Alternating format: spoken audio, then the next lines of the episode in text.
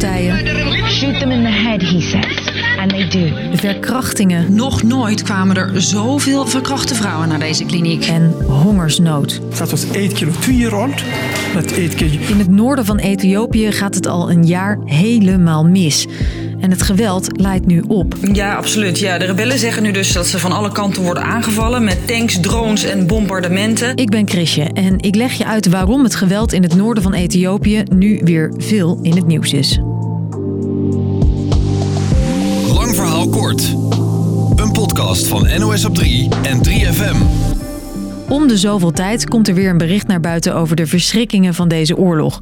Ik neem je mee langs de wie, wat en waar van dit conflict.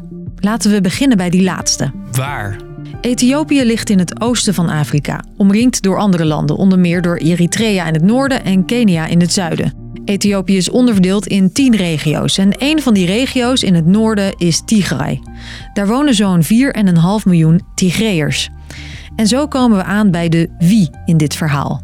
Wie? Want die Tigreërs zijn samen met het Ethiopische regeringsleger de hoofdrolspelers in dit conflict. Het is een conflict dat al bij een, een jaar gaande is. Ja, je hoorde haar net ook al even, onze correspondent in Afrika, Alice van Gelder. Zij volgt de oorlog op de voet en was afgelopen jaar in de moeilijk bereikbare regio Tigray. Ga je zo meer over horen. Maar eerst gaan we terug naar 1991. Alle hoeken van Ethiopië trokken rebellengroepen op naar de hoofdstad Addis Abeba. Op zoek naar macht. Vanaf afgelopen donderdag de stad overspoeld door eh, allerlei eh, soldaten. Het is nachts dat ze vrij veel schieten. De TPLF grijpt dan de macht. Dat staat voor het Tigrayan People's Liberation Front. De TPLF regeert daarna 30 jaar lang met ijzeren vuist. Tot drie jaar geleden, als de huidige premier Abiy Ahmed aan de macht komt. Hij verenigt verschillende partijen en wil het land samenbrengen. Maar de TPLF sluit zich niet aan en trekt zich terug naar thuisregio Tigray. En in die regio blijft het broeien en woedt nu dus al een jaar oorlog tussen de rebellen en het regeringsleger. Dus we weten nu waar dat speelt in Noord-Ethiopië en wie de hoofdrolspelers zijn. Dan komen we nu aan bij de Wat? wat speelt er nu in Tigray en hoe zijn we daar gekomen? Vorig jaar september lopen de spanningen verder op. Premier Abiy stelt dan vanwege corona de landelijke verkiezingen uit. Maar de TPLF trekt zich daar niks van aan en laat de verkiezingen in Tigray gewoon doorgaan. En dat is niet het enige. De rebellen van de TPLF komen in opstand en vallen een grote legerbasis in Tigray van het Ethiopische leger aan.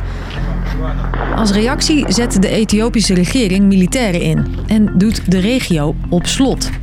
Je kunt er niet meer in of uit en telefoon en internet worden afgesloten. Het leger wil kort en snel ingrijpen, maar het loopt volledig uit de hand. Maanden van geweld volgen. En dit voorjaar zag Alice daar de heftige gevolgen van. Overal zie ik de littekens van de oorlog. Letterlijk.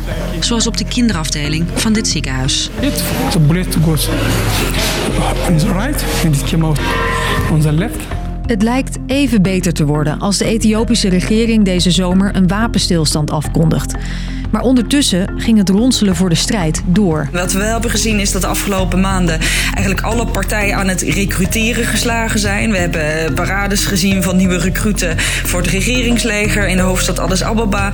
Maar toen ik in mei in Tigray was, eh, heb ik ook heel veel jongeren gesproken. En die zeiden toen, wij willen ons aansluiten bij de rebellen.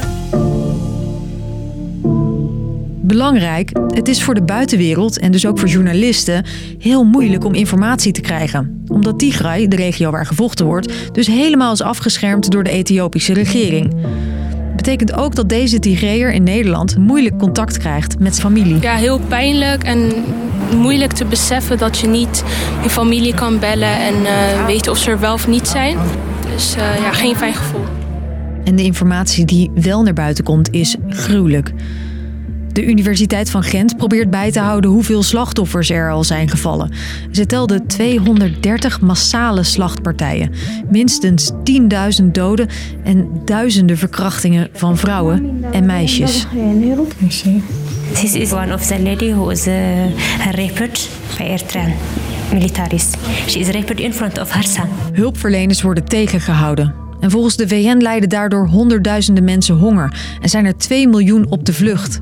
En nu komen er dus berichten naar buiten dat er opnieuw grote aanvallen van het regeringsleger zijn in Tigray. Waardoor aan alle ellende dus waarschijnlijk voorlopig geen einde komt.